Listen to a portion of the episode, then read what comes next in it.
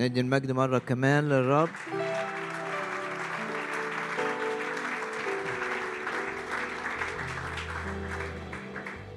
طوبى للشعب العاري فينا الهتاف. خليكم واقفين كده نهتف شوية للرب.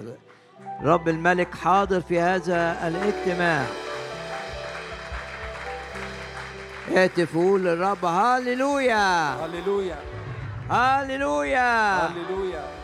هللويا أعظم من منتصرين ارفع إيدك كده اعلن انك انت أعظم من منتصر أعظم من منتصر على الشر أعظم من منتصر على أي خطية أعظم من منتصر على القلق والهم والخوف أعظم من منتصر على المرض واللي أعطاك الانتصار الرب الملك الحاضر في هذا الاجتماع. عشان كده بنهتف للرب ونقول هاليلويا هاليلويا هللويا هاليلويا وهتافنا للملك. هتافنا للرب. يرعب إبليس. يرعب الأرواح الشريرة. ويجبر الأرواح الشريرة أن تهرب بعيدا جدا عنا.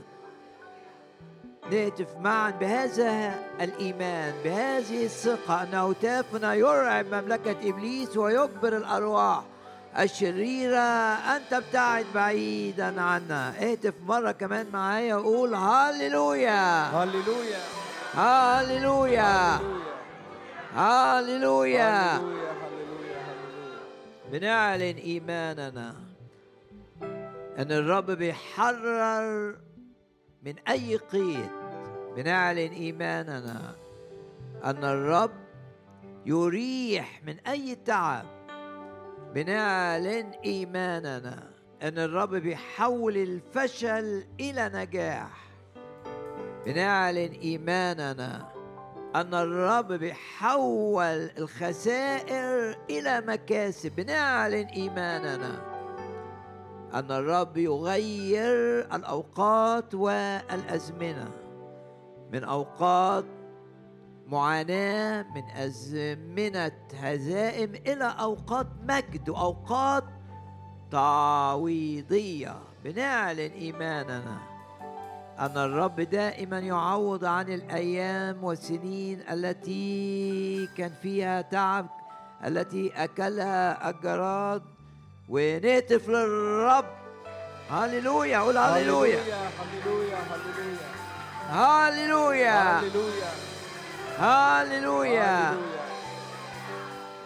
وبنعلن قوة الدم الثمين ارفع إيدك كده اعلن إيمانك بقوة الدم. بسبب دم الرب يسوع. إحنا في حماية من القوة الشيطانية المضادة. بسبب إيماننا بالدم بنعلن إن لا لعنات تأتي إلينا. بسبب إيماننا بالدم. ارفع إيدك كده معايا وإعلن مفيش سحر يقدر يأذيك. مفيش حسد يقدر يضرك. مفيش لعنة عائلية تأتي إليك بسبب إيمانك بالدم الثمين بالدم الثمين أنت مبرر. بالدم الثمين أنت مقدس.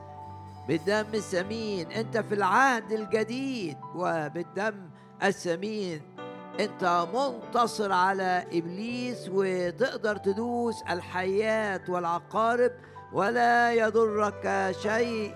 اهتف مرة كمان للرب وقول هللويا هاليلويا هللويا هاليلويا وآمن أن الرب يتحكم في كل أمورك بلا استثناء. ويجعل كل الأشياء اوعى تخاف من بكرة لأن الرب يجعل كل الأشياء تعمل معا لخيرك. الرب بيضمن بكرة ليك. الرب بيضمن الأيام القادمة. وعده العظيم. لا أتركك ولا احملك وعد الرب العظيم أنا أسير قدامك. أنا أسير قدامك. وكل جبل وأكمة في طريقك ينخفض. وعد الرب العظيم أنا أسير قدامك. أفدي من الحفرة حياتك. وعد الرب العظيم أنا أسير قدامك. والأبواب اللي قفلها إبليس.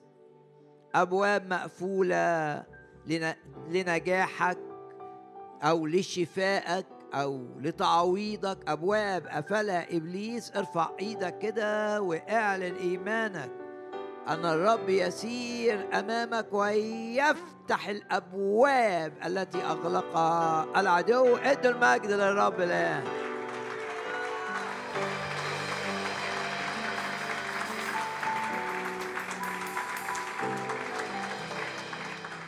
مكتوب أنه يفتح ولا أحد يغلق.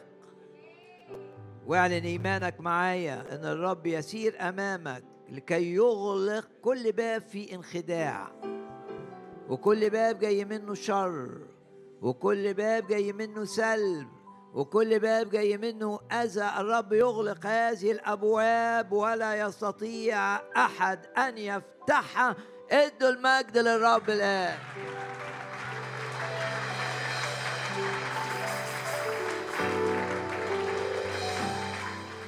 ووعد الرب العظيم لنا جمالا عوضا عن الرماد. ودهن فرح. عطر بتاع الأفراح. ودهن فرح عوضا عن البكاء والنوح. ورداء التسبيح الجميل عوضا عن الروح اليائسة. الرب يعظم العمل معنا هذه الأيام. ادي المجد للرب. الرب يعظم العمل. الرب يعظم العمل.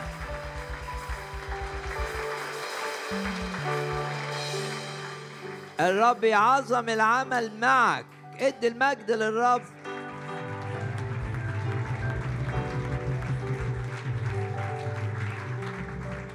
وزي ما بيقول الكتاب ولا تكون إلا فرحا ولا تكون إلا فرحا. وقول جواك كده مع الرب لا أكون إلا فرحا لأن الرب أعطاني الحياة وأعطاني الحياة الأفضل يعني الحياة بوفرة لا تكون إلا فرحا. جواه كده أقول باسم الرب يسوع لا أكون إلا لا أكون إلا فرحا. الرب بيقول تعالوا إلي يا جميع المتعبين والثقيل الأحمال وأنا أريحكم. وآية تقول طلبناه أراحنا أراحنا أراحنا أراحنا من كل جهة. نرفع إيدينا كده وإحنا واقفين نعلن إن الرب يريح من كل جهة يشفي من كل مرض يزيل كل إعياء. مكتوب يعطي المعيا قدرة ولعديم القوة يكسر شدة.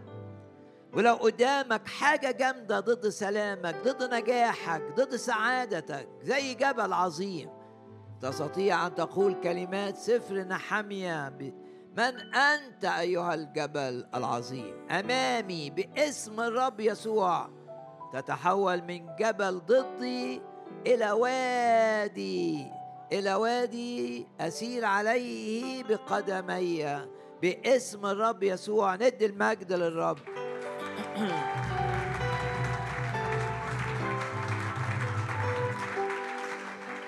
هاليلويا ادي المجد للرب مرة كمان ادي المجد للرب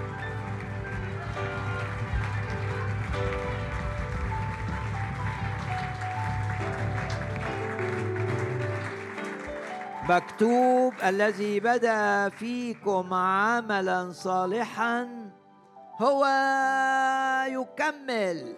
اعلن إيمانك كده نمورك في إيد الرب وإن أنت في إيد الرب والرب بيقول لك أنا أحمل أنا أحملك طول الأيام. لا تخف.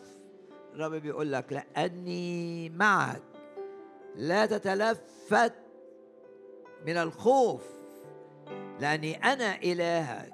قد أعنتك قد عضدتك باسم الرب يسوع بنازم الخوف بنازم الحزن باسم الرب يسوع بيعظم انتصارنا باسم الرب يسوع. إحنا في الارتفاع باسم الرب يسوع. ارفع إيدك كده اعلن إنك أنت مصدق إنك مع الرب أنت في الارتفاع. ومع الرب لن يعوزك شيء ومع الرب من نجاح إلى نجاح ومن قوة إلى قوة وتتغير من مجد إلى مجد وإدوا المجد للرب الآن.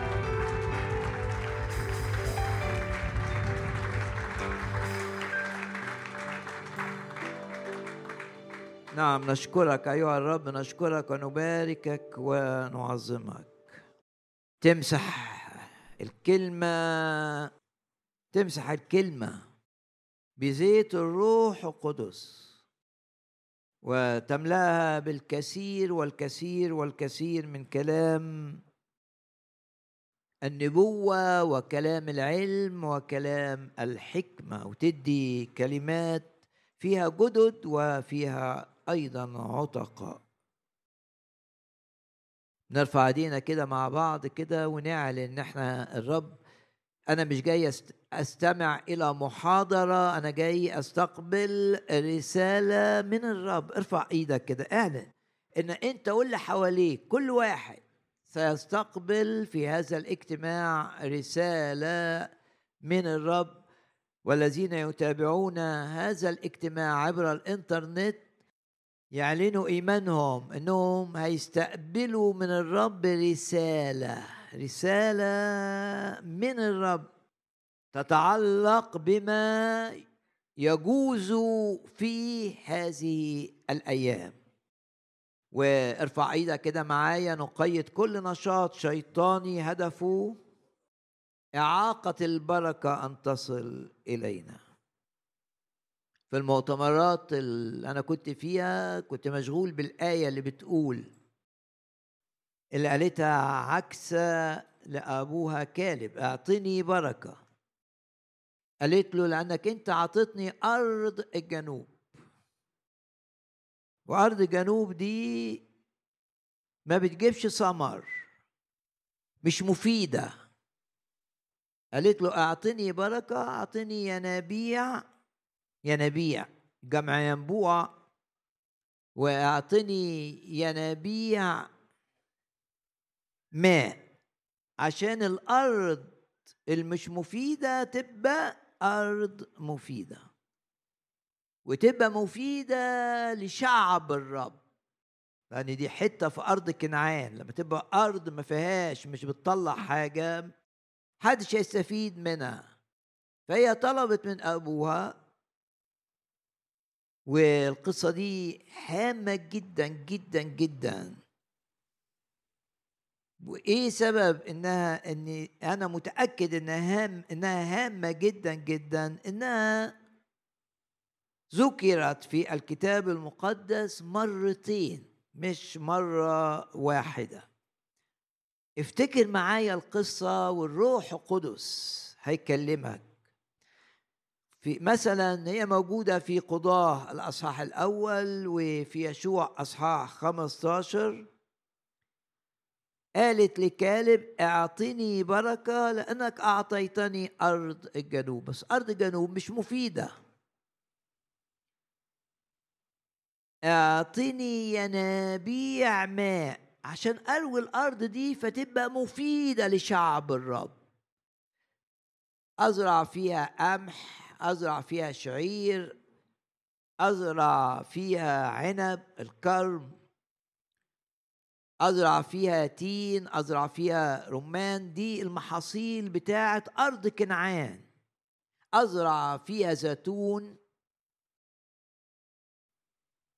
محتاج إن الحاجة اللي مش مفيدة للناس عندي تبقى مفيدة. اعطني ينابيع ماء.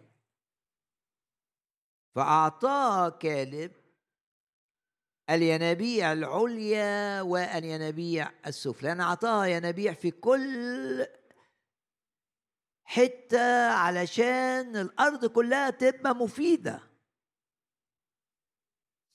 الرسالة كانت إذا في حاجة في حياتك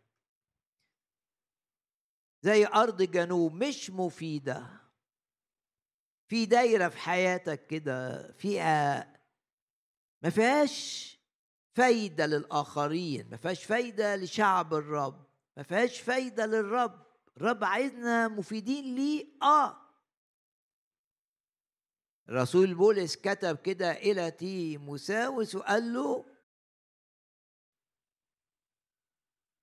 المؤمنين يطهروا نفسهم يروحوا للرب ينقيهم علشان يبقوا لكي يكون الشخص مقدس مكرس للرب يعني نافع. يعني ممكن تبقى أنت ما كنتش نافع وتبقى نافع زي وبرضه الرب شغلني بأونيسيموس اللي كان غير نافع وبقي نافع.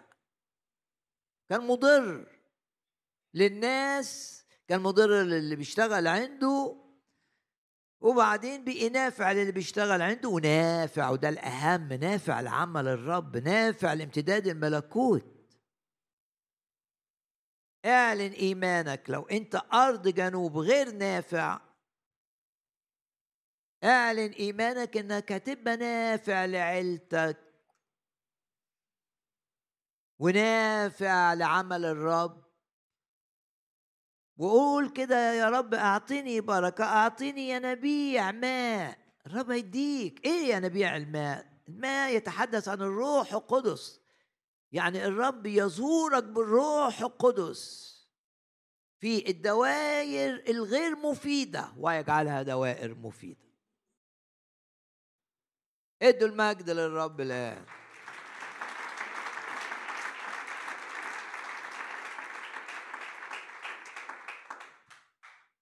أوعى تيأس من أي دايرة في حياتك أي دايرة في حياتك تيجي عليها مية الروح تتحول من أرض الجنوب اللي ملهاش فايدة إلى أرض بتطلع ثمر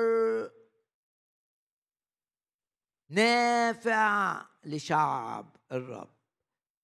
قالت له أعطني بركة أعطني ينابيع ماء أعطاها كالب الينابيع العليا والينابيع السفلى وغمض عينك كده وقول يا رب لو في لو أنا مش نافع ليك ولا مش نافع ومش أنا مش بركة لعيلتي وأنا وجودي تعب اللي حواليا.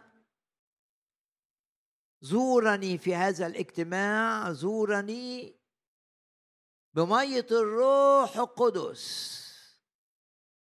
عشان بدل ما أنا ببقى شوك أحيانا لعيلتي أو للناس اللي بيعرفوني زي ما بيقول الكتاب عوضا عن الشوك ينبت ثرو شجرة رائعة.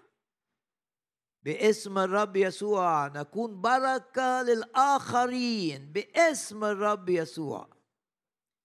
بركة تبقى بركة للناس اللي عايشة معاك.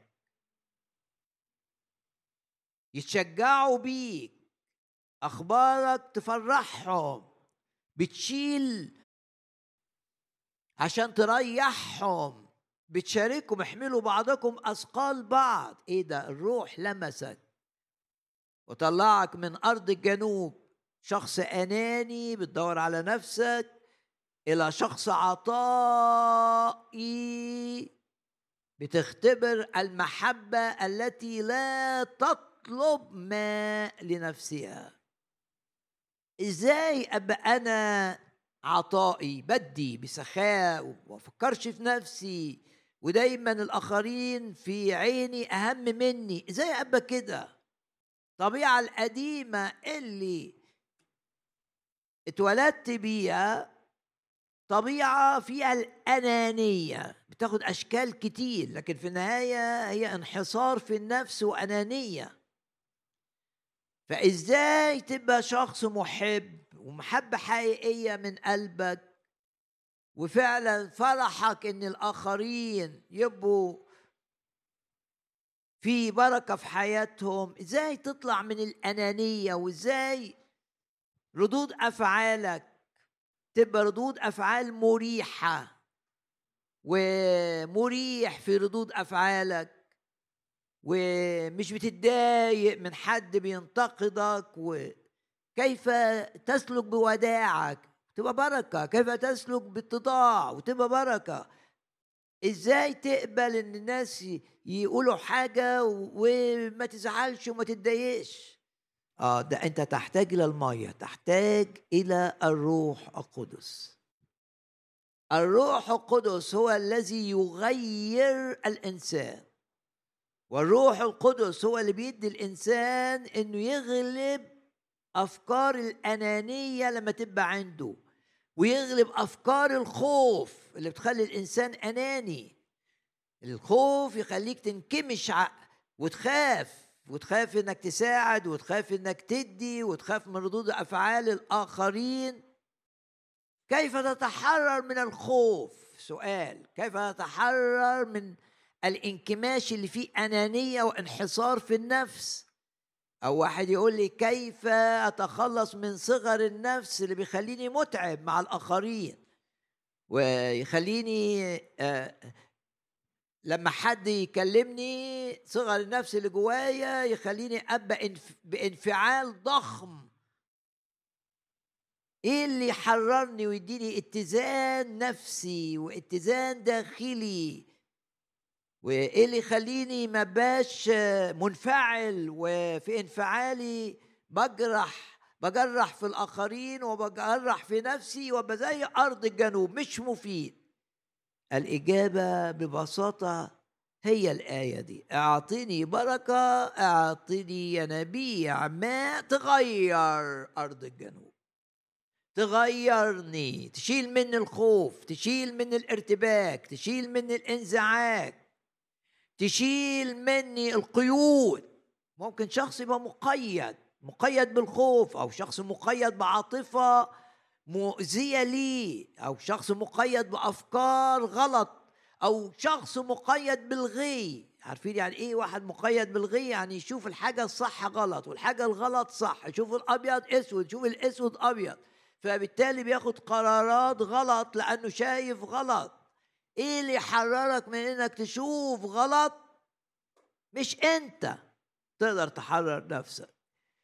انما أبوك السماوي كالب كان ابو عكسة هو اللي بالروح القدس بالروح القدس يخلصك من عيوبك ويحول أرض الجنوب إلى أرض تثمر.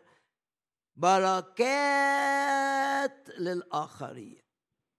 ولو أنت شايف إن تصرفاتك أذت ناس اعلن إيمانك إن الرب يعالج الأذى اللي حصل في الآخرين بسببك. لازم نصدق إن الرب بيعالج نتائج أخطائنا. ولازم نصدق إن الرب مش بس بيغيرنا هو مش بس بيتعامل مع ظروفنا ويخليها تشتغل لخيرنا لازم تبقى واثق إن الرب بيتعامل معاك وبيتعامل مع ظروفك عشان تبقى لخيرك ما تخافش. بس كمان الرب بيعالج عيوبنا بالروح القدس ويحولنا من أرض الجنوب إلى أرض مثمرة. ندي المجد للرب الآن.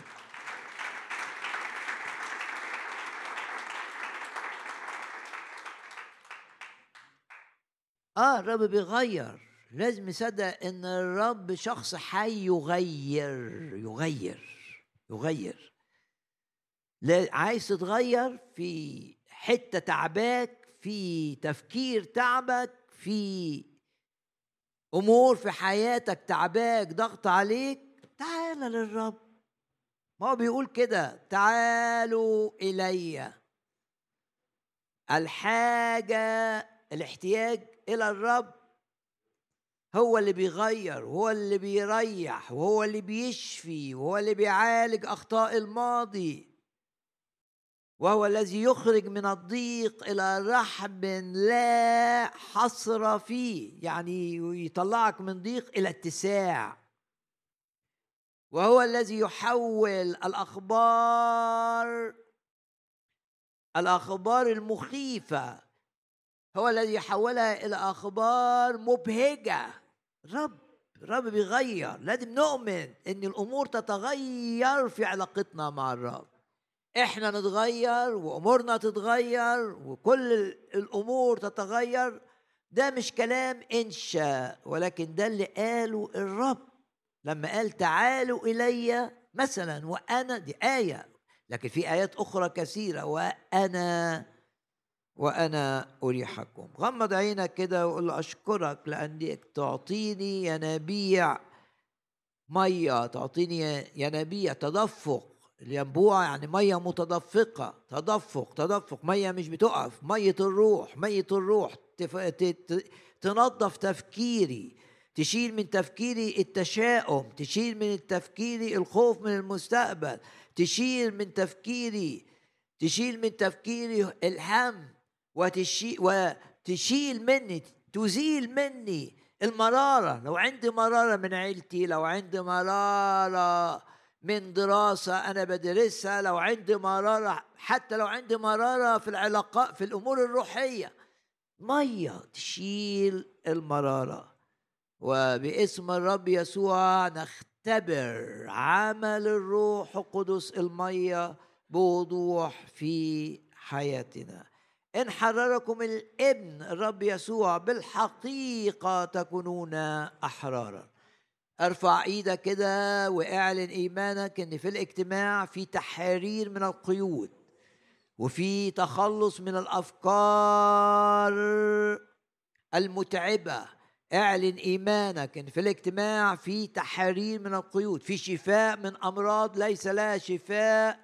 لدى الأطباء بنعلن إيماننا أن الرب الحاضر في الاجتماع يفعل أكثر جدا أكثر جدا مما نطلب أو نفتكر.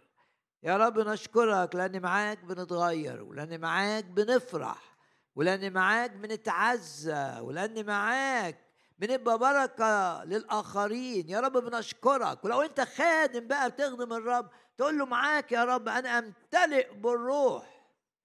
وتأثيري دوائر التأثير بتاعتي كخادم الدوائر تكثر وتتسع باسم الرب يسوع. نرى هذه الأيام عمل الرب بوضوح عمل الرب بوضوح في حياتنا. والقي على الرب همك وهو إيه؟ يعولك. ملقين كل همكم. كل شوف كلمة كل, هم عندك. ارميه على الرب ارميه على الرب. قول له أنت مسؤول عني. أو قول له زي ما بطرس قال له إلى من نذهب؟ نروح لمين؟ أنت اللي عندك الحياة الحقيقية. أنت اللي عندك الشفاء الحقيقي. أنت اللي عندك الراحة الحقيقية. أنت اللي عندك المجد الحقيقي. إلى من نذهب وكلام الحياة عندك. بنشكر الرب من أجل عمله معنا. وغمض عينك كده وقول يا رب أشكرك أشكرك لأنك بتديني إيمان الإيمان ده عطية منك. لو أنت ما عندكش إيمان الرب يديك الإيمان لأن الإيمان عطية من الرب. انت عليك بس تبقى متواجد في محضر الرب. وانت النهارده متواجد في محضر الرب. عندنا إيمان إن الرب حاضر والرب الحاضر ويبعت ليك إيمان يتناسب مع التحدي اللي انت فيه. دايما الرب يدي إيمان أعلى من اللي انت بتواجهه. الرب دائما يعطي إيمان كافي. لمواجهة السور اللي قدامك الجبل اللي قدامك الحواجز اللي قدامك. وقول يا رب أنا عايز مشيئتك في حياتي. أنا مش عايز أختار لنفسي سكة ولكن أثق فيك. انك انت الذي تقودني. ويرفع إيدك كده معايا وانتعش انتعش بمية الروح واعلن إن الرب هو اللي بيقودك. مش الظروف اللي بتقودك مش أفكار بشرية اللي بتقودك مش ميول عاطفية اللي بتقودك. اعلن إيمانك ورفع إيدك كده واعلن إيمانك إن الرب الرب الرب اللي بيحبك الرب اللي بيحبك رغم كل حاجة. الناس ممكن شايفة عيوب فيك مش مهم الرب بيحبك بعيوبك.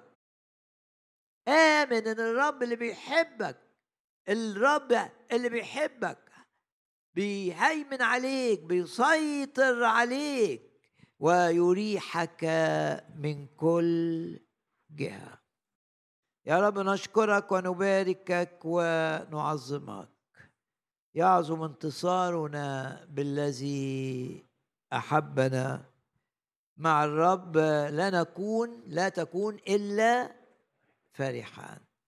لو انت متضايق لو انت شاعر بالفشل لو انت شاعر عندك احساس بالاحباط صغر النفس تشاؤم الرب تعال للرب ارمي نفسك عليه. ملقين كل همكم عليه. هو هينظفك انت مش هتعرف تغير نفسك هو يغيرك. ويقودك الرب خطوة خطوة. نعلن إيماننا. بأن الرب يقودنا. أشكرك. أشكرك لأنك تقودنا. فكركم بآيات معروفة من آه، سفر أشعياء. وأي حد السكك صعبة قدامه هكذا يقول الرب الجاعل في البحر طريقا. في طريق في سكة من الرب وعند السيد الرب عند الرب للموت مخارج. يبقى أي مشكلة في مخارج مخرج؟ لا مخارج بس نثق فيه. هكذا يقول الرب الجاعل في البحر طريقا. وفي المياه اللي بتغرق أي حد مسلكا. ودي أشعياء 43 وآية رقم 16 غمض عينك وبشجعك تصلي بهذه الآية. عندك أمور صعبة بحر. ما إزاي تمشي في البحر؟ أمور عائلية صعبة أمور مع أولادك صعبة أمور في شغلك صعبة أمور في صحتك صعبة أيا كانت. البحر يبقى طريق بس. ليه؟ لأن الرب يستطيع كل شيء ولا يعصر عليه أمر. هكذا يقول الرب الجاعل في البحر طريقا. والحاجات اللي ضدك بيصورها أشعية 43 فتيلة يقول كده انطفأت الحاجات اللي ضدك قد خمدوا كفتيلة انطفأوا. الحاجة اللي ضدك تبقى زي الفتيلة كده اللي كانت مولعة نار وبعدين انطفأت تعبير تحطه كده يا رب ضع هذا التعبير في أذاننا أن أي حاجة ضدنا تنطفئ وتخمد كفتيلة كفتيلة انطفأت هكذا يقول الرب الجاعل في البحر طريقا. ده أشعياء 43 ويقول كده أجعل في البرية طريقا. يقول لك في آية تقول لك حتى الجهال معايا لن يضلوا. هيمشوا خطوة خطوة مع الرب. في أمان مع الرب في أمان. خايف ليه من بكرة؟ في أمان في أمان. ولما تقرأ مزمور 91 يقول لك ده اللي مع الرب خلاص. في أمان. ينجيك من فخ الصياد. يعني إبليس بيعمل فخاخ. الناس تقع فيها بس أنت مع الرب ينجيك من فخ الصياد. في خطر جاي عليك جاي على الآخرين ينجيك منه. ومن الوباء الخطر. والوعد في مزمور 61 لأنه تعلق بي. أنجيه. وكمان أعليه لأنه عرف اسمي. ثق إن كل أمورك في إيد الرب الخيرك.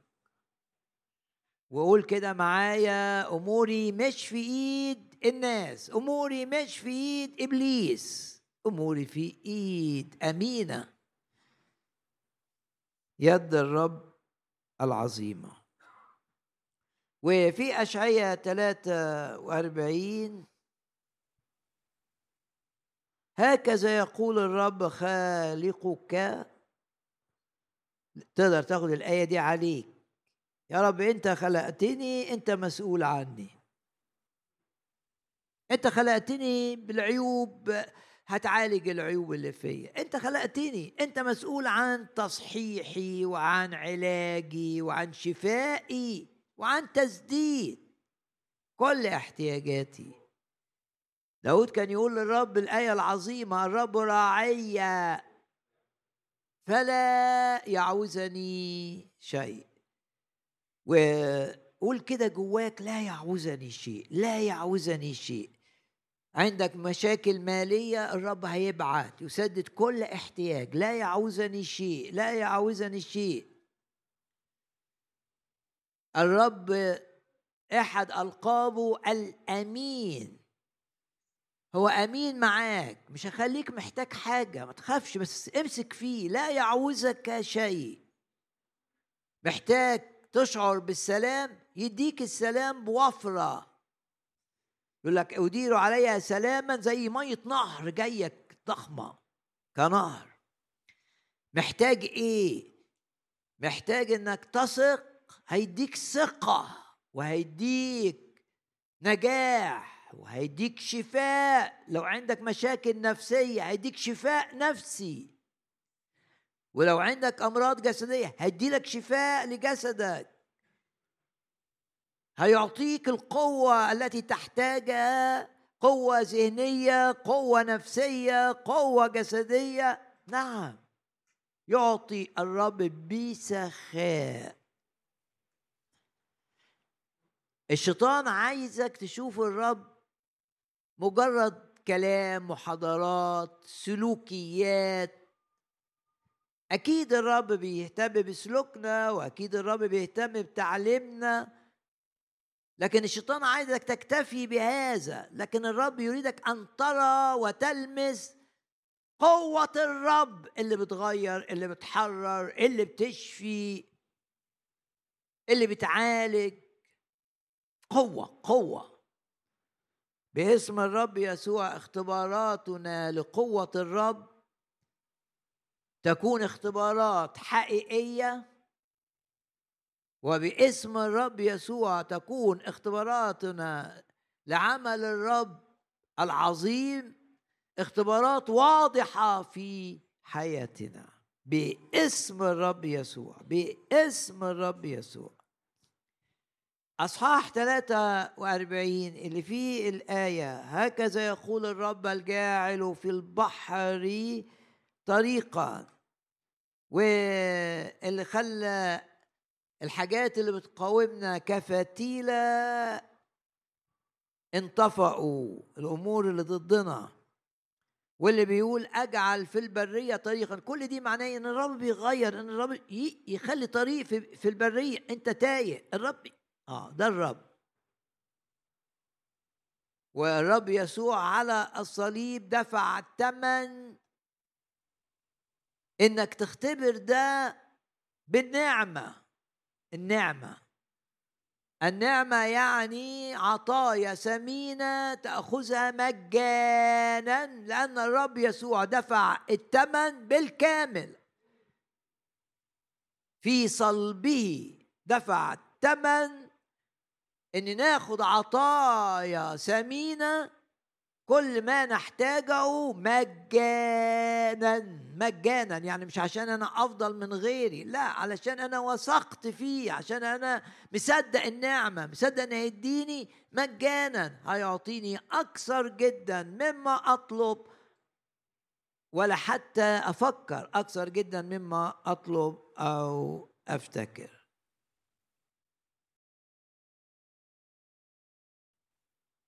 هكذا يقول الرب خالقك لا تخف لأني فديتك. من دفعت ثمن إنك تتحرر. الفداء معناه التحرير من حاجة مسيطرة عليك سيئة. فرعون مسيطر على شعب الرب. الرب بيقول له أنا أطلعك من قبضة فرعون. هو ده الفداء. فداء يعني الرب بيطلع. دفع ثمن إن يطلعنا من أي حاجة مسيطرة علينا خطية أي حاجة سيئة خطية أرواح شريرة قيود أي شيء. فهنا بيقول له لا تخف لأني فديتك. ودعوتك باسمك أنت لي. يبقى الرب عرفنا بأسمائنا. زي ما قال في يوحنا عشرة ان يدعو خرافه بأسمائها. كل خروف عند الرب ليه اسم. الرب عارفك باسمك. دعوتك باسمك أنت لي. غمض عينك كده وقول له يا رب أشكرك لأني أنت بتعرفني بالاسم. يعني يعني أنا مش واحد وسط ناس وتحضر اجتماعات. لا أنت بتعرفني أنا بضعفي باللخبطة اللي أنا فيها. بالوقعات اللي اللي بقع فيها. انت تعرف كل حاجة عني. انت تعرفني باسمي وتحبني محبة خاصة. اوعى إبليس ينجح في انه يشككك؟ في ان الرب؟ مش بيحبك محبة خاصة لا بيحبك محبة خاصة علاقة خاصة. ولما في الوقت اللي الشخص بيبعد فيه عن الرب الرب لسه بيحبه ويظل يحبه بيراقبه وي وبيتدخل ويبعت له ناس عشان يرجع لأنه بيحبه. وما بننساش ابدا منظر الأب العظيم اللي بيتكلم عن أبوة الله في مثل الابن الضال. إنه كان واقف يترقب رجوع ابنه. أول ما شافه جاي جري عليه. الكتاب يقول ركض. الابن الضال ما جريش. لأنه مكسوف لأنه خايف لأنه متردد لأن رجله قدام ورجله ورا. لكن الأب حبه لابنه. اللي طعنه اللي خانه اللي بدت فلوسه اللي اللي تعامل معاه بوقاحة حب لم يتغير. رب حبه ليك لا يتغير. اوعى الشيطان يشككك في محبة الرب العظيمة العجيبة ليك. الرب يحبك أيا كان تصرفاتك. والأب لما شاف الابن النار راجع كتاب يقول هو اللي جري على ناحية ابنه لكي يحضنه. وقع على عنقه وقبله قبلة الحب. لا تخف لأني فديتك دعوتك باسمك أنت لي. آية اتنين آية عظيمة. إذا اكتست في المياه فأنا معك. أحيانا المؤمن يمر بفترات صعبة لكن رب هنا المعزي أنا معك لا أهملك ولا أترك أنا معك أنا معك أنا معك. خلي عينك عليا ما تخافش. إذا اكتست في المياه فأنا معك. يعني فيضان تمشي فيه ما تغرقش. وفي الأنهار فلا تغمرك يعني ما تموتكش. إذا مشيت في النار يعني نار مؤذية جدا ومياه مؤذية جدا. والمية عكس النار. إنما يعني عايز يقول لك الظروف ممكن تتغير. وممكن يتعب يبقى في دايرة وبعد سنة اتنين يجي مقاومة في دائرة أخرى مختلفة تماما عن الدائرة السابقة. ممكن يبقى في خطر من أنهار جاي عليك. وممكن يبقى في خطر من نار جاي عليك. لكن إلهنا هو إله معنا سواء بنواجه أنهار أو بنواجه نيران. لازم تبقى متأكد. زي ما العدو كان بيقول لشعب الرب إلهكم ده يشتغل في حتت وحتت لا. لا كان الإجابة أن إلهنا مش إله جبال بس إله جبال ووديان. لما نحارب وإحنا فوق الجبل يدينا انتصار ولما نحارب وإحنا تحت يدينا انتصار. لا فرق. لما تواجه مية ضدك أو تواجه نار ضدك لا فرق. الفروقات عندك أنت لكن عند الرب لا فرق. وهنا بيقول لك المية ما تغرقكش فلا تغمرك واللعيب بتاع النار لا يحرقك. ليه؟ لأني أنا معاك. لا تخف فإني معك. وكلمة لا تخف في أصحاح 43 مش جاية مرة واحدة جاية أكثر من مرة. الرب عايزنا النهاردة نتخلص من كل خوف ونتحرر من كل هم. ثق في الرب. تخافش ثق في الرب. القى على الرب همك وهو يعولك. ثق في الرب. تخافش. خايف تغلط في اتخاذ قرار ثق في الرب. متردد في أمر معين ثق في الرب وهو سيتحكم في كل الأمور. في شكايات واتهامات عليك ثق في الرب هو يدافع عنك. والآية عظيمة كل آلة صورت ضدنا لا تنجح. كل سلاح اتعمل لإيذائك لا ينجح لا ينجح لا ينجح. ودائما نتذكر كلمات سفر أشعياء. إن خطط إبليس ضدنا مع الرب لا تقوم ولا تكون. وتشاوروا مشورة فتبطل تكلموا كلمة ضدنا ما تقومش. ما باسم الرب يسوع. يا رب أشكرك وأباركك لأن البحر بدل ما يغرقنا بتعمل فيه طريق. والمياه القوية العميقة بدل ما تموتنا بتحولها إلى مسلك لينا. واللهيب لما ندخل فيه قد يسمح الرب إنك تدخل فيه لهيب في نار. لكن ثق ان النار لن تحرقك وأذكرك بالقصة المعروفة كلمة الرب آه، ليها سلطان علينا ليها سلطان. تطرد مننا أفكار خوف تطرد مننا أفكار انزعاج. تحررنا كلمة الرب من تأثير كلمات سمعناها. كلمات تسيء أو كلمات تخيف أو كلمات تجيب أمن. كلمة الرب دواء دواء باسم الرب يسوع للشفاء وكلمة الرب تحرر من كل خوف ومن كل هم. بقى نتذكر معا القصة العظيمة في عن النار في سفر دانيال. وكلمة للتشجيع.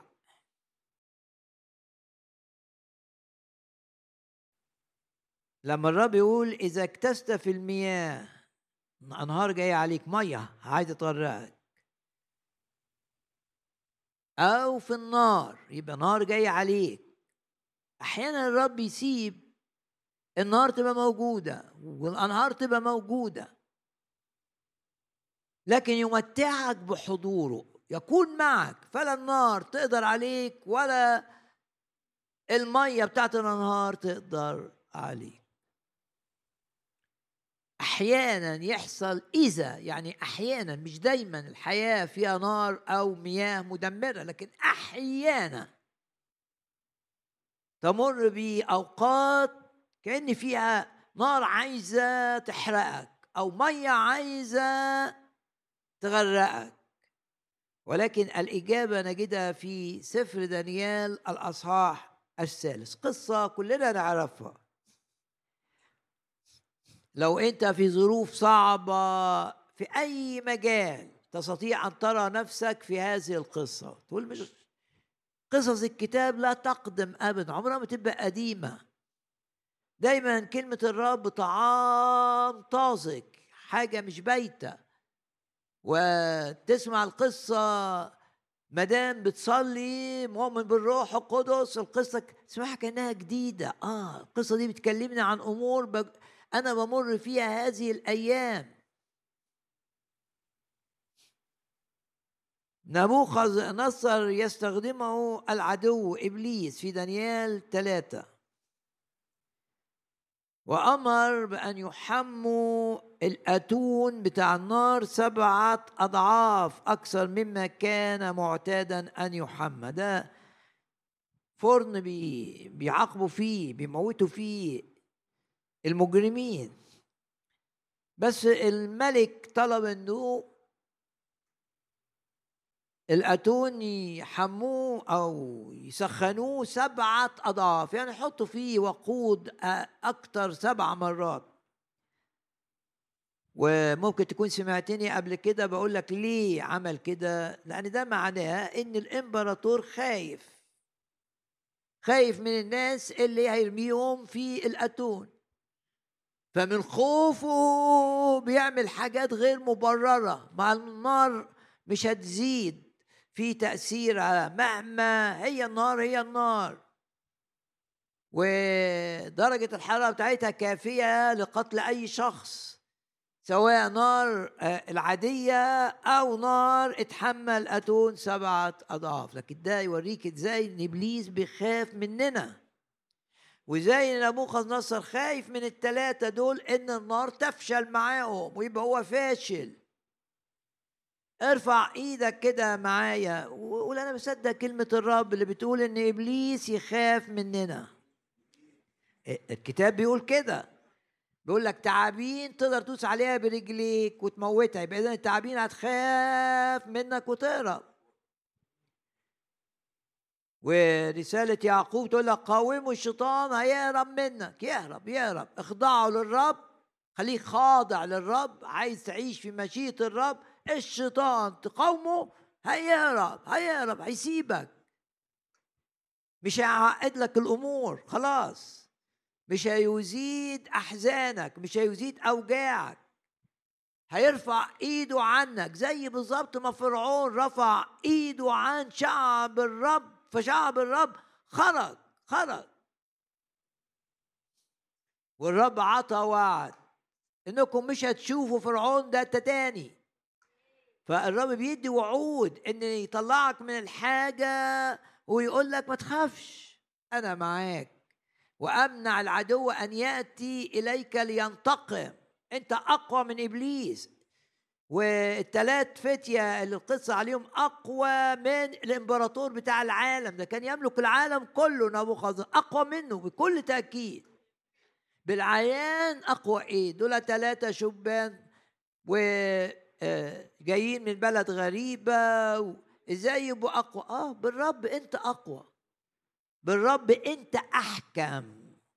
يعطيك حكمة. يقول لك أعطيكم فمن وحكمة. فمن؟ تقدر تتكلم. عندك الرب يديك قدرة إنك تتكلم. ما تخافش الرب يديك في الوقت الحرج قدرة أن أن تعبر وأن تتكلم وأن تصمت وتجعل اللي ضدك ما يقدروش يقاوموا الحجة بتاعتك. أعطيكم فما وحكمة. لا يستطيع معاندوكم أن يقاوموها أو يناقضوها. إحنا بالرب أقوى من العدو. وبعدين يقول الكتاب إني أوثق هؤلاء الرجال. ورموهم في وسط آتون النار المتقدة. ونشوف آية 12 ومن حيث أن كلمة الملك كانت شديدة قوية والأتون قد حمي جدا سبع أضعاف. قتل لهيب النار الرجال الذين رفعوا شدرخ اللي هم الثلاث فتية في أتون النار. يعني اللي رموهم في أتون النار النار حرقتهم. اللهيب بتاع النار لأن النار كانت شديدة قوي اتحرقوا. طب والثلاثة دول؟ لا. يقول كده حينئذ تحير كلنا عارفين القصة. تحير الملك وقال لمشيريه ألم نلقي ثلاثة رجال مقيدين موثقين في وسط النار أجابوا وقالوا للملك صحيح أيها الملك. أجاب وقال أنا ناظر أربعة رجال. يبقى الرب معاك. لما الرب يسمح إنك تدخل في مية أو تدخل في وسط نار معاك. والعدو اللي كان ضدهم شايف إن الرب معاك. ارفع إيدك كده واعلن إيمانك إن الناس اللي ضدك يشوفوا إنك أنت في أي ظرف أنت مؤيد من الرب. في تأييد إلهي. مؤيد مؤيد. في تأييد إلهي. يعني نبوخذ نصر رماهم في النار شاف شافوا مؤيدين. مؤيدين إزاي؟ شاف شاف واحد معاهم. يقول لك والرابع ده شكله مختلف عنهم خالص. ده حاجة من السماء. ها أنا ناظر أربعة رجال محلولين وإذا الرب سمح ليك في فترة صعبة ثق إنه يمشي معاك وإن الفترة الصعبة دي النار والظروف اللي أنت فيها الرب هيستخدمها عشان يحررك من أي قيد. دائما لما أقرأ القصة دي بقى في عند الكلمة دي إن نبوخذ نصر شافهم محلولين. النار ما قدرتش تأذيهم لكن النار حرقت القيود اللي كانوا مقيدين بيها. وأحيانا الرب يسمح إنك تدخل في ظروف صعبة عشان تتحرر من قيد اسمه عدم الإيمان عشان تتحرر من قيد اسمه شك عشان تتحرر من قيد اسمه نجاسة عشان تتحرر من قيد اسمه خوف. رب حكيم جدا. مش بس يخلي النار ما تاذكش يخلي النار مفيدة ليك. وفي الظروف الصعبة الإيمان بيرتفع وفي الظروف الصعبة بتختبر يقول لك عندك كسرة همومي في داخل تعزياتك تختبر تعزيات الرب العظيمة. والنار لا تحرقك يقول لك اللعيب مش هيأذيك اللعيب هيفيدك هيفيدك يعلمك دروس ه... يبقى في قيد لسه في حياتك. يخلصك منه. ها أنا شوف نبوخذ نصر يقول ناظر. أربعة رجال كانوا ثلاثة يبقى دي لما تدخل في أمر صعب الرب يبان بوضوح إنه معاك ويبان ليك ويبان للآخرين ويبان لأعدائك إنك أنت مؤيد من الرب. والنار تخلصك من عيوبك أو تخلصك من قيودك وندي المجد للرب الآن.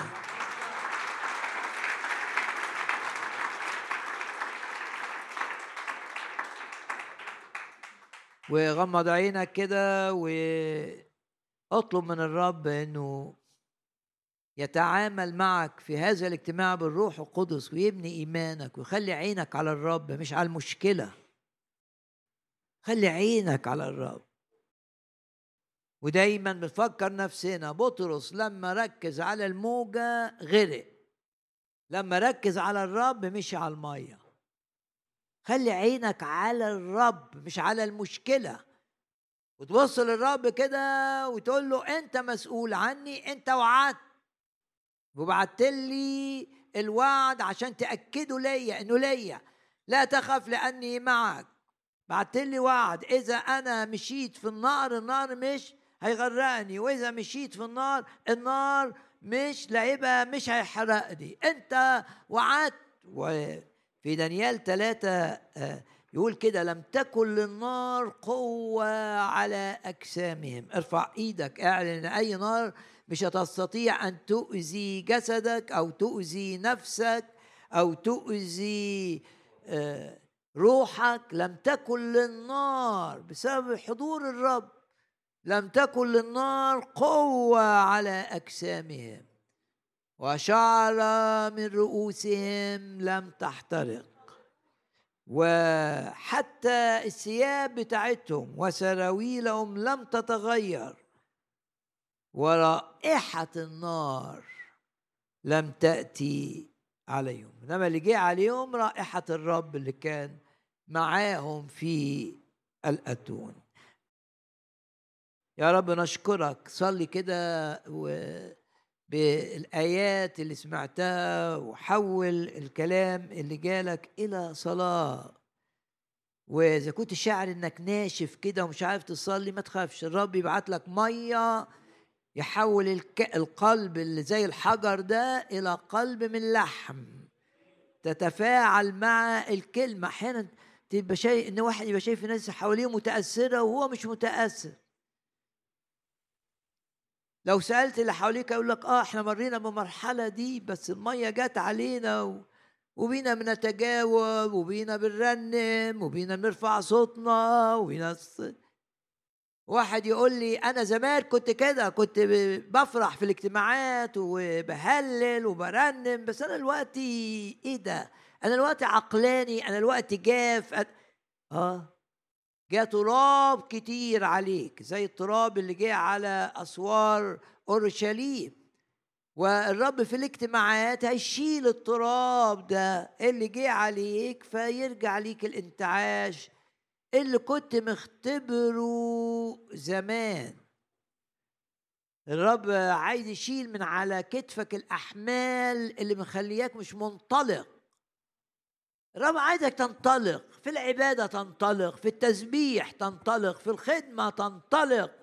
تؤمن بالروح القدس وتؤمن بمواهب الروح القدس وتطلب إن يوم الخمسين تختبر. يقول لك كده ولما صلوا امتلأ الجميع بالروح القدس تلبسون قوة من الأعالي حتى متى حل الروح القدس عليكم. العلاج هو المية العلاج ينابيع الماء العلاج هي المية اللي حولت أرض الجنوب الجافة إلى أرض بتطلع بركات لشعب الرب.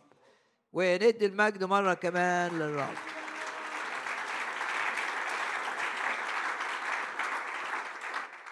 يا رب نشكرك أن رائحة النار مش النار بس ولا النار ورائحتها لن تأتي علينا. ونشكرك لأن اختبار التلاتة دول هو اختبار لينا إحنا كمان لأن أنت إلههم أنت إلهنا إله هؤلاء هو إلهنا وأشكرك لأنك أنت هتجعل أي نار نجوز فيها. ليست لها القوة أن تفقدنا السلام أو أن تفقدنا الإيمان أو أن تفقدنا البهجة. النار لن تكون لها قوة لا على أجسامنا ولا على رؤوسنا. وشعر من رؤوسهم لم تحترق. لو انت شاعر انك ناشف كده اطلب مية الروح. ولو انت في أزمة وضيقة اطلب اطلب. مش صدفة. كلمة الرب تدي شفاء من اليأس. مش بس شفاء من الأمراض وشفاء من اليأس. واحد يائس كده من الدنيا ومتضايق و... وبيطلع ضيقه ده على اللي حواليه وردود أفعاله صعبة. لا لا تعالى تعالى للرب يسوع عشان يشفيك يشفي أعماقك من الضيق من الإحساس اللي الوحش اللي جواك. عشان يديك إنك تتمتع. الآية تقول أعطانا كل شيء بغنى للتمتع. هدف الرب إنك تعيش على الأرض تمجد الرب بإنك بتتمتع بعطاياه الثمينة. وحياتك كده حلوة فيها بركة للآخرين وفيها سرور. وفيها سلام الله الذي يفوق كل عقل باسم الرب يسوع. وفي شغلك شاهد للرب مؤيد من الرب. ونتيجة القصة دي شوف بقى الإمبراطور بتاع العالم يقول إيه ليس إله آخر يستطيع أن ينجي هكذا. سفر حسقيال. الجزء الدراسي. دايما الكلمة بيبقى فيها جزء دراسي وجزء تشجيعي. الجزء التشجيعي كان في أشعية 43 الدراسي أيضا في تشجيع غير عادي. وأصحاح 16 بيتكلم عن عمل النعمة في الجزء الأولاني.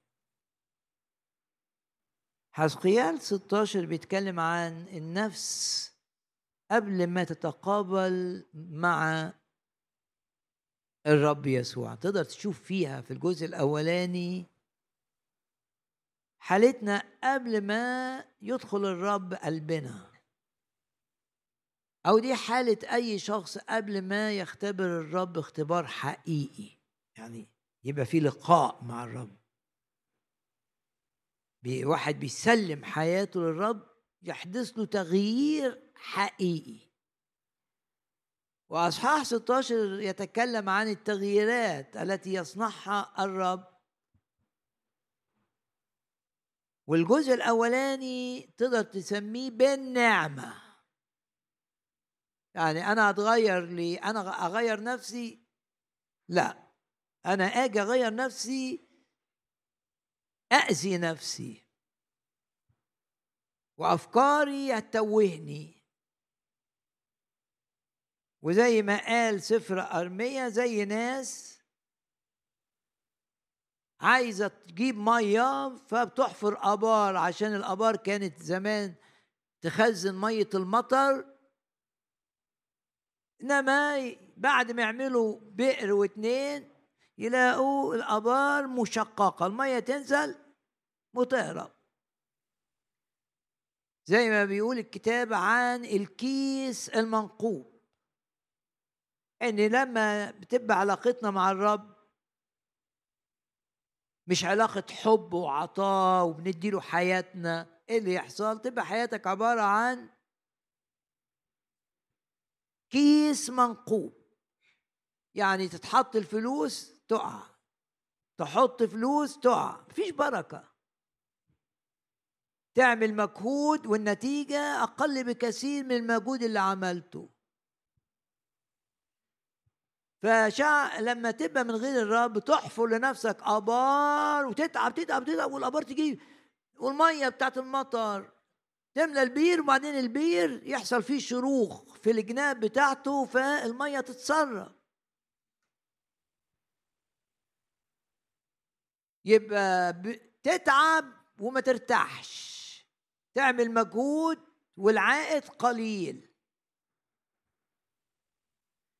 لكن لما الرب بقى تروح له الأمور تختلف. مش أنت اللي هتغير نفسك هو اللي هيغيرك. ويغيرك ليه؟ لأن دي النعمة. والنعمة تعني اللي بيعمله الرب معاك أنت ما تستاهلهوش ابدا. هي دي النعمة. نعمة يعني تأخذ مجانا أمور عطايا بركات لا تستحقها. فهنا آه، بداية آه، أصحاح 16 يقول لك كان بيتكلم عن شعب الرب مدينة أورشليم إن الرب تعامل معهم بالنعمة وليس لأنهم يستحقوا. هكذا قال السيد الرب مخرجك مولودك من أرض كنعان. أبوك أموري وأمك حسية. يعني لما تقابلت معاكم كان فيكم صفات الكنعانيين السيئة جدا جدا جدا. ما انتوش كنتوا أفضل منهم. وهنا الرب بيتعامل مع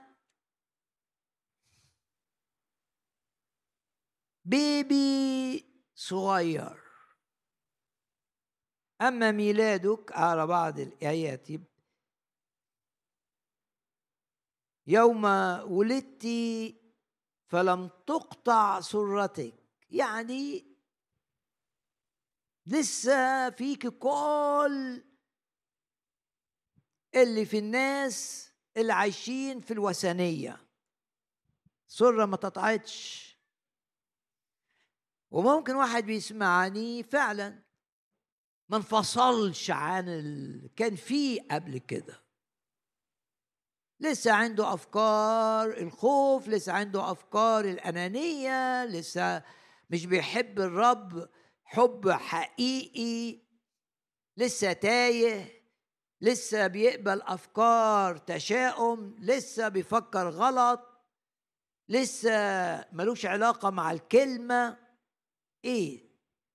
بيبي بس السره لم يقول كده لم تقطع سرتك. ولم تغسلي بالماء. بيبي طالع ومرمي في في العراء كده وحالته ما تنضفش.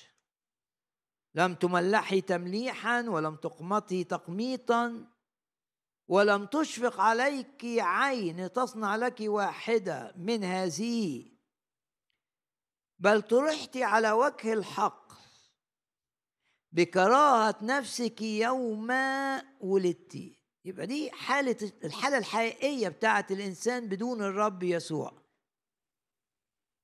إن من وهو صغير سيء.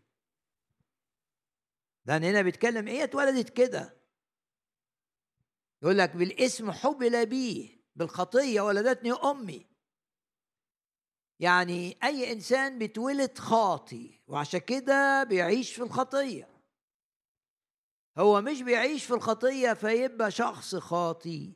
لا هو لأنه اتولد خاطي بيعمل الخطية. وعشان كده كل الناس عملوا خطايا. وهيقول لي ليه بتولد خاطي أقول له لأن ده الجنس البشري اتولد خاطي بسبب الرأس بتاعه آدم الأول آدم وقع والحية غلبته. فالطبيعة الحلوة اللي فيه فسدت. فبنتولد بطبيعة سيئة. عشان كده تلاقي أطفال بيكذبوا تلاقي أطفال تقول مين علمهم الكذب؟ آه هو اتولد كده. أنت وأنا وأنتي اتولدنا خطاة.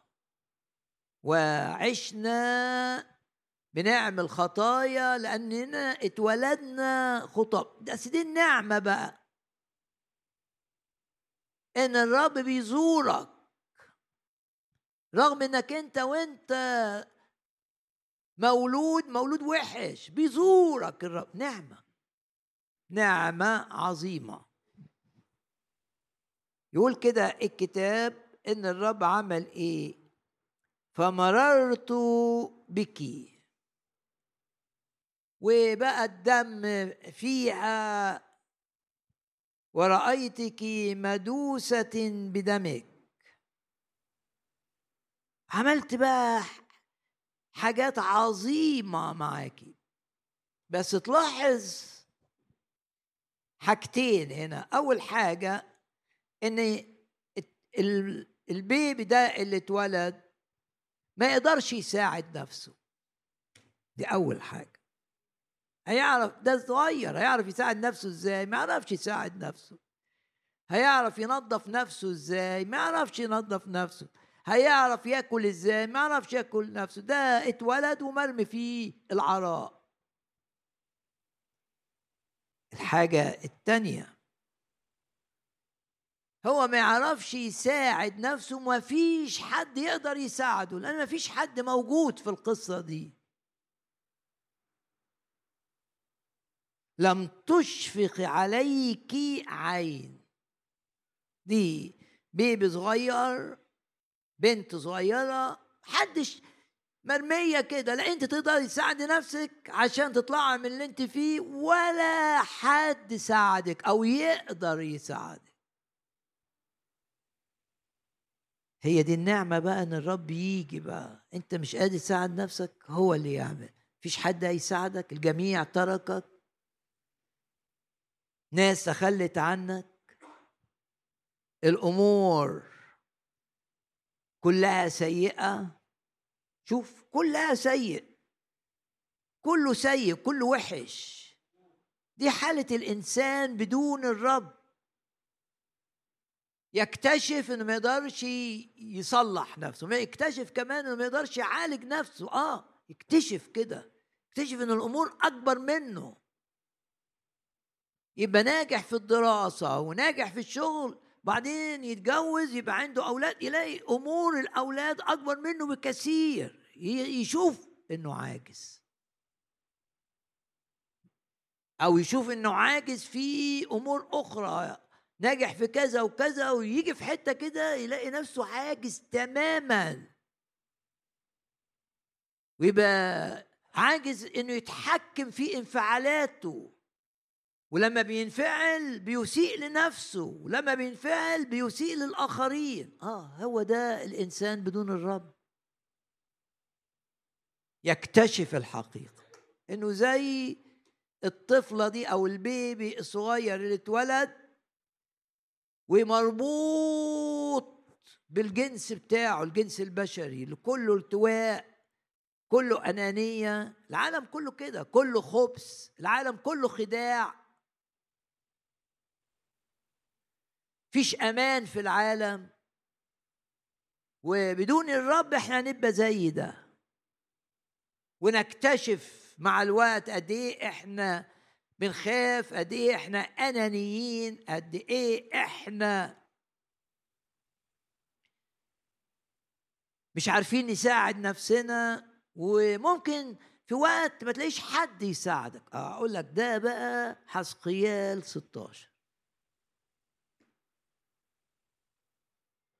كل حاجة فيها سيئة وشكل البيبي ده قبيح.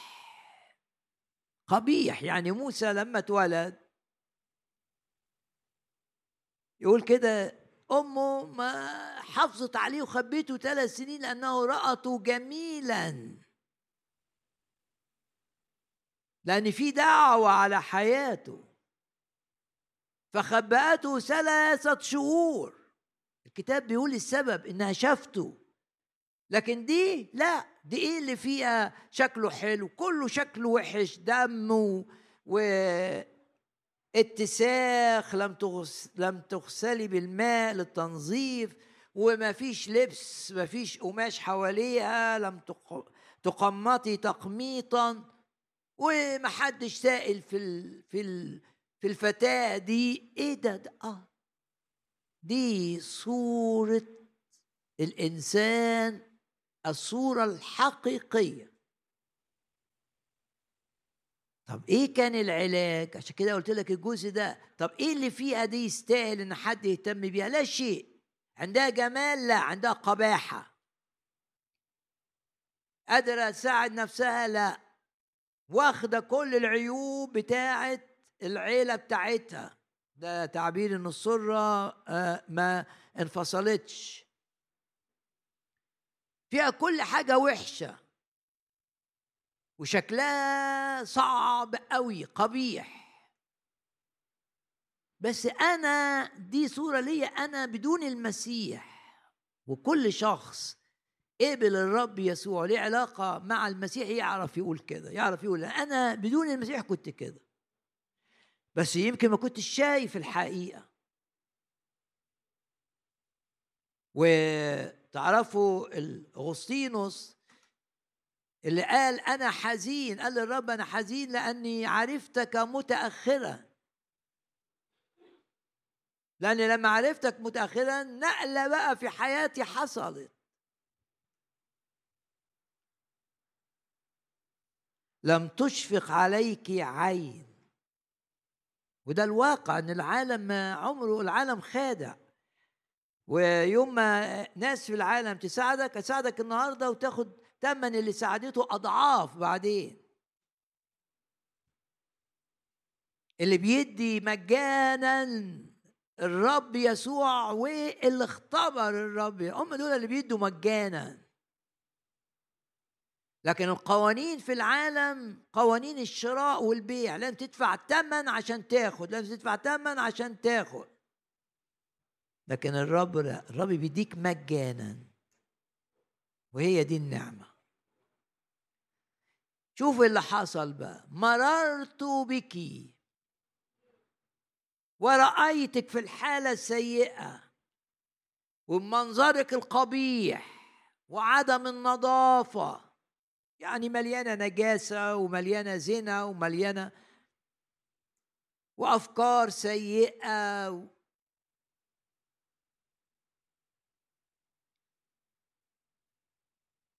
مررت بك. ويكرر الآية في آية 8 دي النعمة. مررت بك. ورأيتك. طب شفت فيا إيه حلو يا رب؟ لا شيء. لأني أصلي آدم مليان خطية من جوه. الناس قالوا للراجل الأعمى اللي شفاه الرب أنت بجملتك ولدت بجملتك نجس وجاي تعلمنا. آه دي صورة حقيقية للإنسان إن اتولد خاطي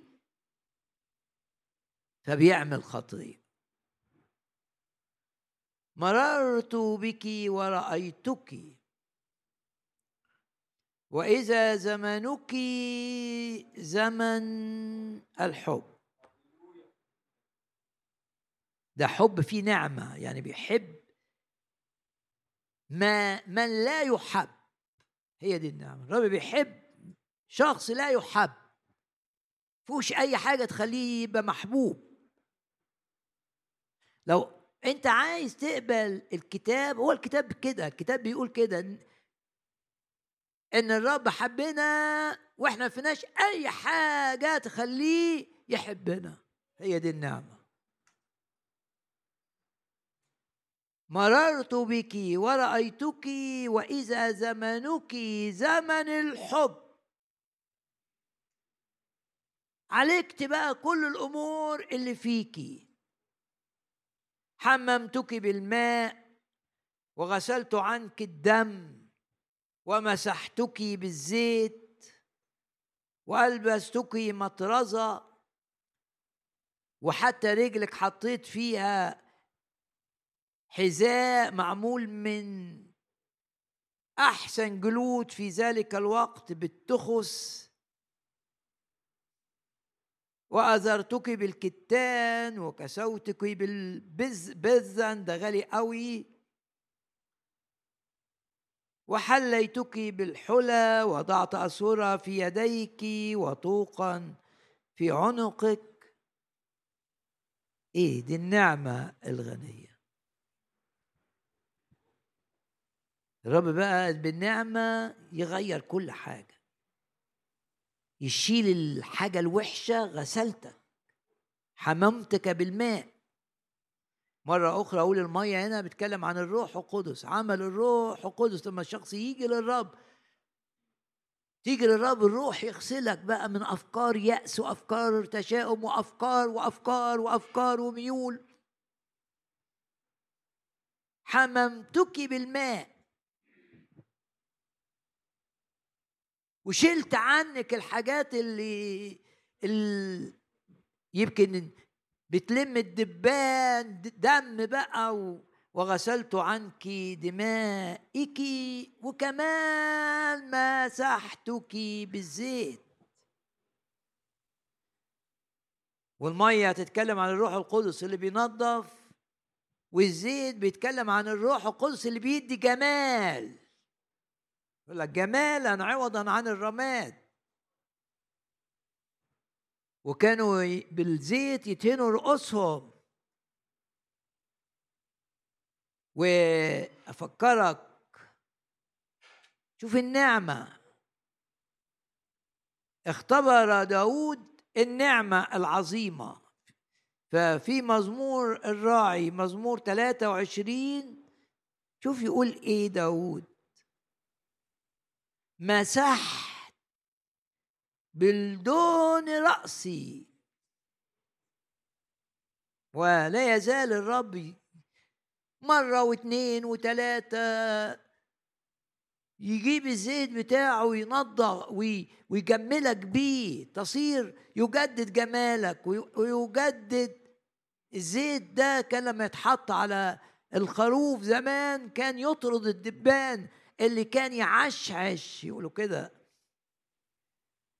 كان الدبان يجي يضع البيض بتاعه في الأنف بتاع الخروف فالخروف البيض يطلع ديدان فيتجنن أفكار تجننه. آه، ده مثال لما يجي لك فكر يخليك عايز تخبط راسك في الحيط مش عارف تتصرف وترمي نفسك للخطية و...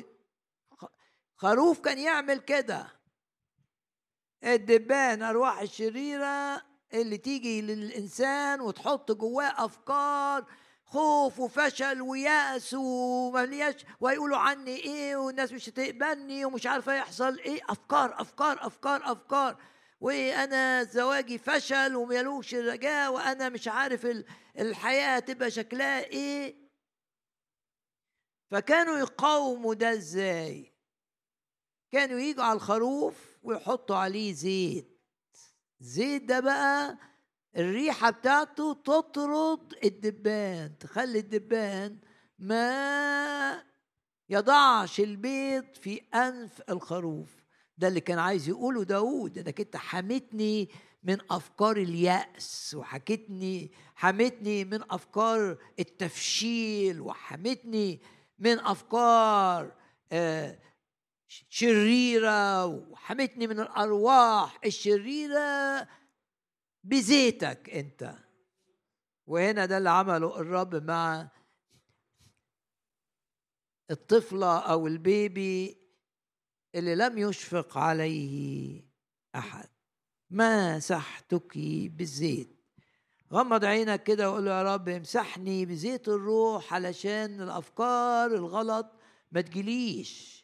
امسحني بزيت الروح عشان أفكار اليأس تبعد عني دبان يبعد عني ما تجنش.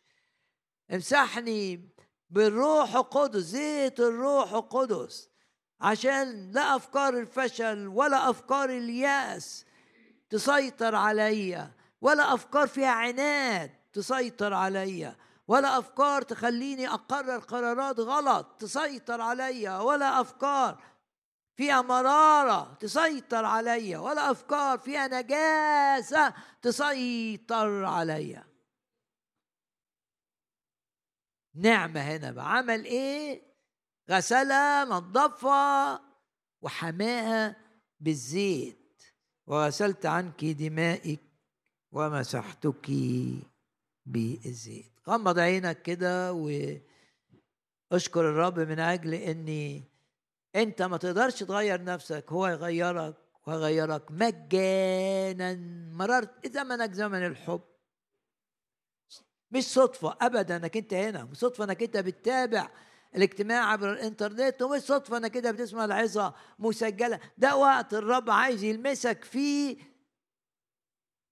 وهيلمسك بالنعمة وإذا ما حدش قدر يساعدك زي نازفة الدم. 12 سنة بتصرف بتصرف بتصرف على علاجها. يقول الكتاب حالتها صارت إلى الأرض. رأى أنفقت فلوسها على الأطباء ولم تنتفع شيء. ما خدتش حاجة. لكن لما لمست الرب باسم الرب يسوع نلمس الرب كده في الاجتماع. وقف النزيف. يا رب نشكرك ونباركك ونعظمك من أجل أنك تعمل معنا مجانا بالنعمة. وتحول أرض الجنوب الغير نافعة إلى أرض مثمرة نافعة. نشكرك لأن هذا الزمن بالنسبة لنا وهذا اليوم بالنسبة لنا وهذا الاجتماع بالنسبة لنا هو زمن الحب تتعامل معنا بمحبة عجيبة لا نستحقها وتغير ما لا نستطيع نحن بانفسنا أن نغيره. وتعمل معنا عجائب ومعجزات باسم الرب يسوع. تزيل كل ضعف تزيل كل إعياء. وتمسح بالزيت اللي بيطرد الأرواح الشريرة. باسم الرب يسوع باسم الرب يسوع. آية عظيمة. هو اللي بيمسحك. ومسحتك بالزيت. نعمة. نعمة إن أنت اللي تلم عليك الحشرات والدبان ومتروكة. الزيت منع كل ده أن يأتي إليك. يا رب أشكرك وأباركك وأعظمك. غمض عينك كده وحول اللي سمعته في هذا الاجتماع إلى صلاه الرب قدامك لا تضيع الفرصه في فرصه انك انت تسلم نفسك للرب وفي فرصه انك انت تقول للرب آه يا رب أنا ده وقت الحب ده وقت تزورني فيه ده وقت تغيرني فيه ده وقت تلمسني فيه ده وقت تعمل معايا عجائب ده وقت تنظفني ده وقت تقويني ده وقت تشفيني ده وقت تحررني ده وقت الحب تحبني وأنا لا أستحق أن أحب. إيه اللي الرب لمسك بيه حوله إلى صلاة. آه لا يأس الرب هيغيرني أنا أوحش واحد وماله. الرب بيحب الوحشين الرب بي بيذهب إلى الخروف الضال ويفتش عليه ويجيبه لأن زمن الخروف كان زمن الحب. وبكل تأكيد مش صدفة إنك أنت في هذا الاجتماع. وبكل تأكيد مش صدفة أنك أنت بتسمع هذه العظة. والرب بيقترب إليك. ولك أنا عايز أعمل عمل عظيم في حياتك أنت ما تستاهلهوش. أنا عايز أنظفك من أفكار غلط وعايز أنظفك من حاجات جت عليك بسبب خطايا دخلت فيها. أنا عايز أحررك من تأثير أمور نفسية حصلت في حياتك نتيجة تربية غلط نتيجة أنا عايز أغيرك. أنا عايز أعمل منك شخصا جديدا دي هي دي النعمة الغنية. اعمل يا رب بقوة فينا. نقف جميعا في محضر الرب الآن. لمسة شفاء ولمسة تحرير باسم الرب يسوع. الروح القدس كده يشتغل فيك ومية الروح. يا رب أمور حقيقية تحصل فينا. مفيش أمور بإيحاء نفسي أمور حقيقية بركات على رؤوسنا. لا تنسى أنك في محضر الملك ولا تنسى أنه يحبك ويريد أن يلمسك ويريد أن يغيرك بالروح. أنا متأكد إنك بس تقول له يا رب غيرني. هتعود من هنا مختلف. انت مش هتغير نفسك هو هيغيرك. انت مش هتعالج نفسك هو اللي هيعالجك.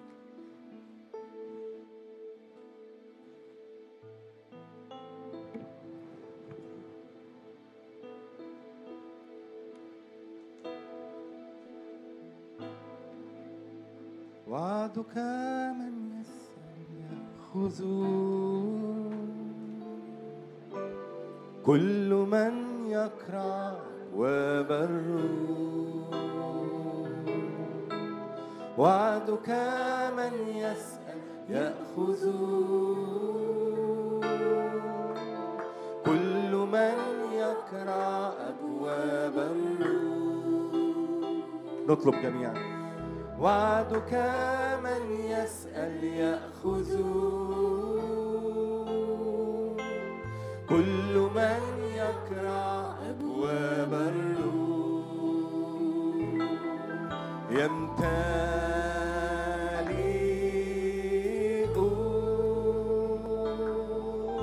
يمتلئ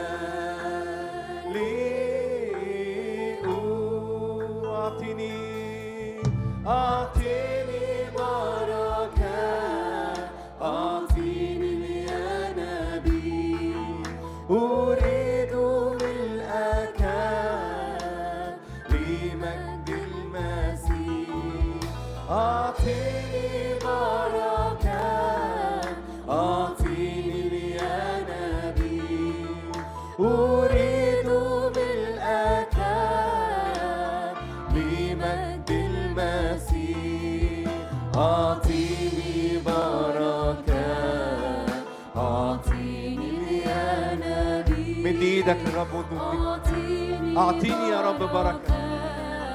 أعطيني وعدك وعدك.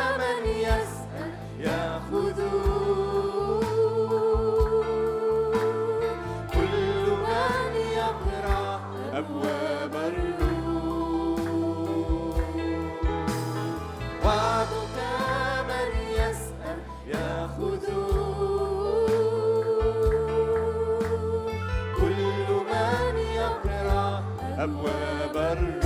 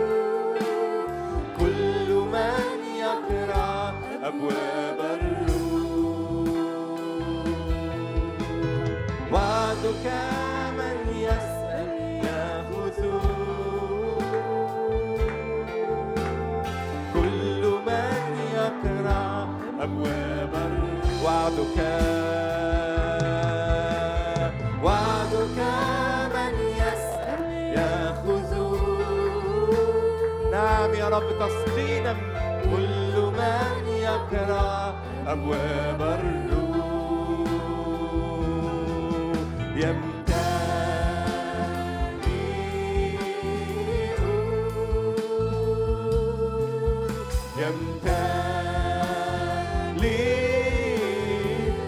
يمتلئون يمتلئون يمتلئون مد إيدك للرب وقول يا رب بالروح. يمتلئون يمتلئون. أعطني بركة أعطني بركة أعطني يا نبي.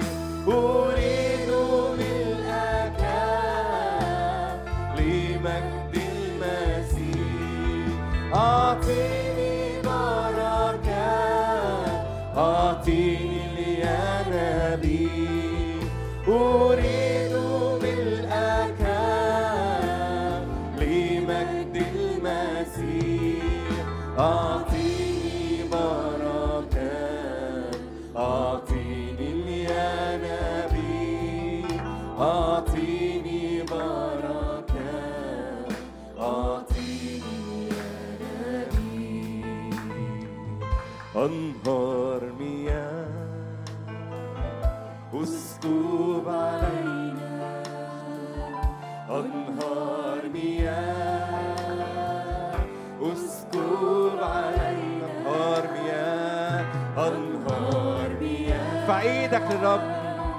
اسكب علينا أنهار مياه. اسكب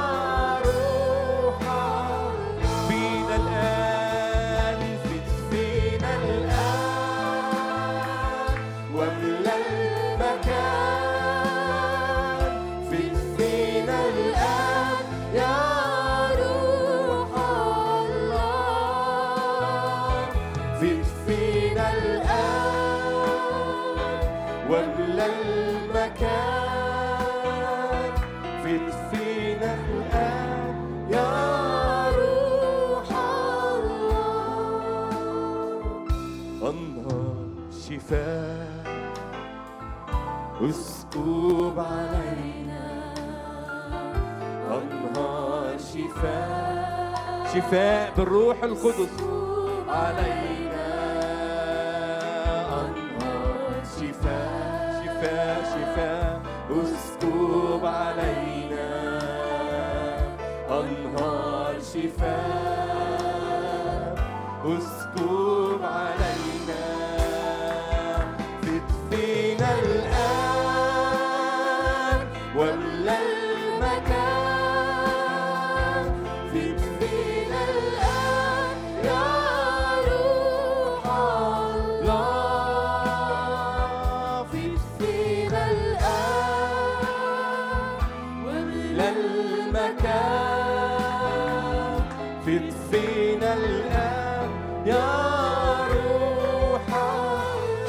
الآن فيض فينا الآن. واملى هذا المكان. مكان فيض فينا الآن. يا روح الله فيض فينا الآن. واملى المكان.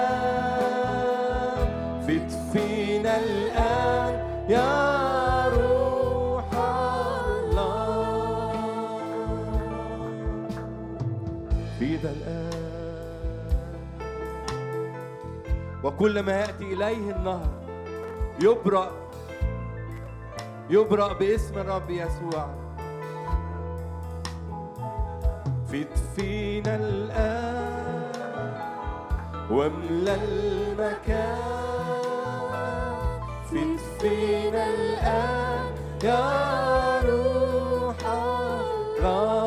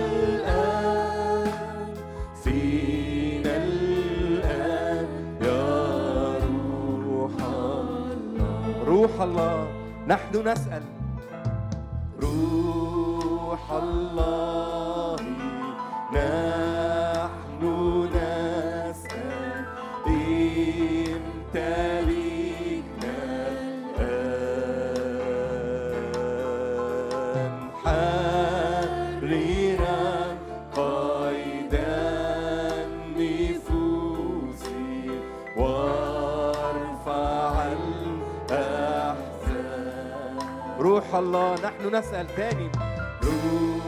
روح الله.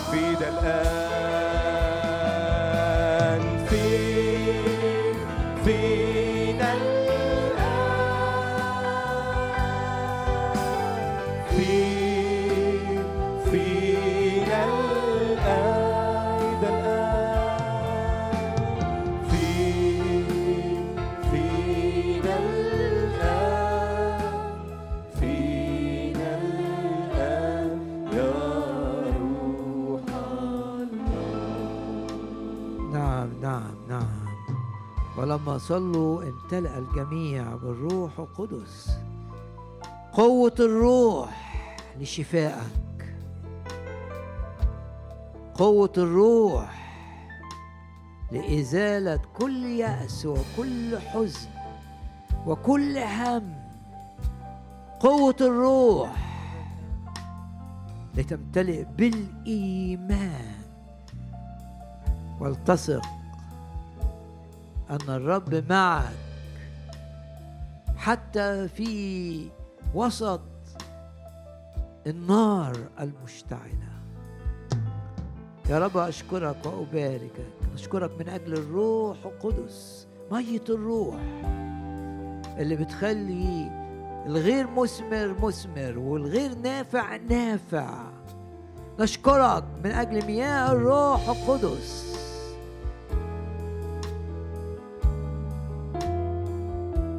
اللي بتنظفنا من كل أفكار خبيثة من كل أفكار من إبليس من كل أفكار من العالم. أشكرك من أجل مياه الروح القدس اللي بتنظفنا اللي بتغسلنا بتغسل مشاعرنا بتغسل تفكيرنا. وأشكرك من أجل الروح القدس الميه الحقيقية اللي بتحمينا من الأرواح الشريرة. تمسح بيها رؤوسنا. أشكرك وأباركك واعظمك لن نعود من هذا الاجتماع كما أتينا. شفاء للمرضى تحرير للمقيدين. أي شخص أتى تصاحبه أرواح شريرة يعود من هذا الاجتماع باسم الرب يسوع بقوة الدم الثمين يعود من هذا الاجتماع لا تصاحبه هذه الأرواح باسم الرب يسوع. حرية من كل من كل خوف ومن كل نجاسة ومن كل يأس. يا رب أشكرك وأباركك وأعظمك. أنت تغير أنت تصنع تغييرات عظيمة في حياتنا. عوضا عن الشوك ينبت. ثرو بارك يا نفس الرب ولا تنسي كل حسناته. الذي يغفر غفران لأي شخص يشعر بالذنب. تعال إلى الرب ثق في الدم الثمين يطهرك من كل خطية. الذي يغفر جميع ذنوبك الذي يشفي كل أمراضك الذي يا رب أشكرك أنك تجدد كالنسر شبابنا وتكمل عدد أيامنا تكمل عدد أيامنا تكمل عدد أيامنا. نشكرك ونباركك ونعظمك. تحفظنا في مشيئتك. الشرير لا يستطيع أن يؤذينا. باسم الرب يسوع. باسم الرب يسوع. نحن في الارتفاع. وكل آلة عملت لإيذائنا لا تنجح. يا رب أشكرك من أجل الملائكة التي ترسلها لكي تقودنا. فتسهل أمورنا. نشكرك من أجل الملائكة. التي تحفظنا في وقت الخطر والتي تؤثر في الأحداث وفي الأشخاص لكي نكون في مشيئتك مئة في المئة. نشكرك ونباركك ونعظمك. تقفل كل باب جاي منه شر وأذى وسلب ومرض وتعب وتفتح بيبان الراحة والتعويض. ولا يستطيع إبليس إن يفتح باب أنت قفلته أو يقفل باب أنت فتحته. بنشكرك من أجل الدم الثمين ارفع إيدك فيه. آخر جزء في الاجتماع ارفع إيدك. اعلن إنك أنت مغسول بالدم مبرر بالدم ومقدس بالدم في العهد الجديد بسبب الدم. ليك شفاء كامل ليك تحرير كامل ليك قيادة بسبب إيمانك بالدم. هللويا هللويا. هللويا. ادوا المجد للرب. الآن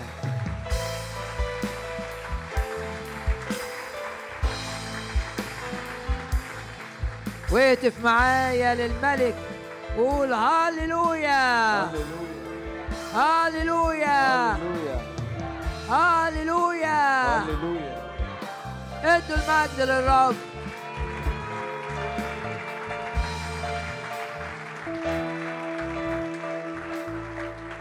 وارفع إيدك كده واعلن ان كل حاجة بيعملها العدو علشان تبقى تعبان عشان يأذيك عشان تبقى قلقان عشان تبقى خايف عشان تبقى حزين علشان تبقى بره مشيئة الرب. كل اللي بيعمله إبليس ضدك. يفشل فيه ويتحول كل ما يعمله ضدك لخيرك. ادي المجد للرب مرة كمان.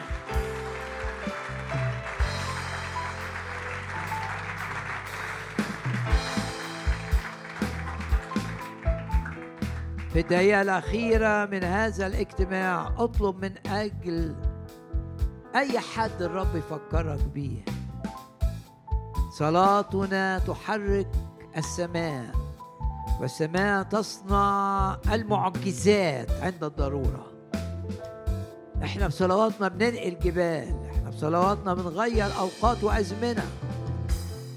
صلي من أجل أي شخص الروح القدس يفكرك بيه. وثق أن صلاتك تصنع أمور عظيمة لمجد الرب ولخير من تصلي لأجله. الآن إلى الترنيمة الأخيرة في الاجتماع. ملك الملك وجلالك مال الوجود حوالينا ويقبل بيته اسمك عالي يا فدينا ملك الملك وجلالك مال الوجود حوالينا ويقبل بيته قدامك. اسمك عالي يا فريد الأنهار. دي الأنهار.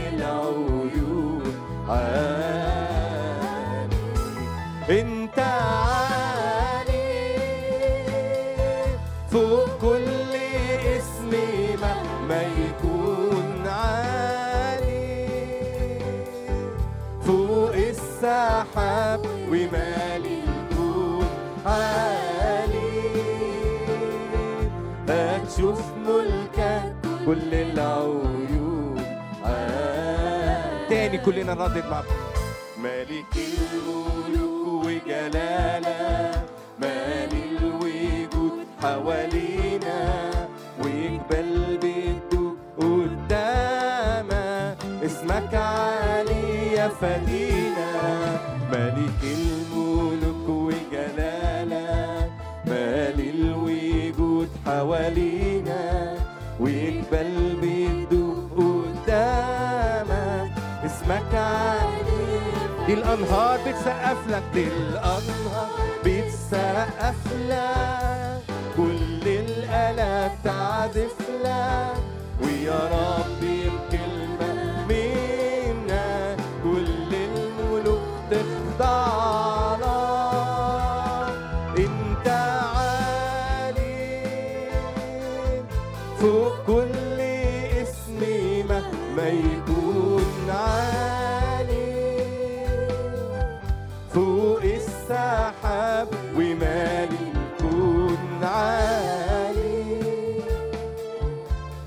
fácil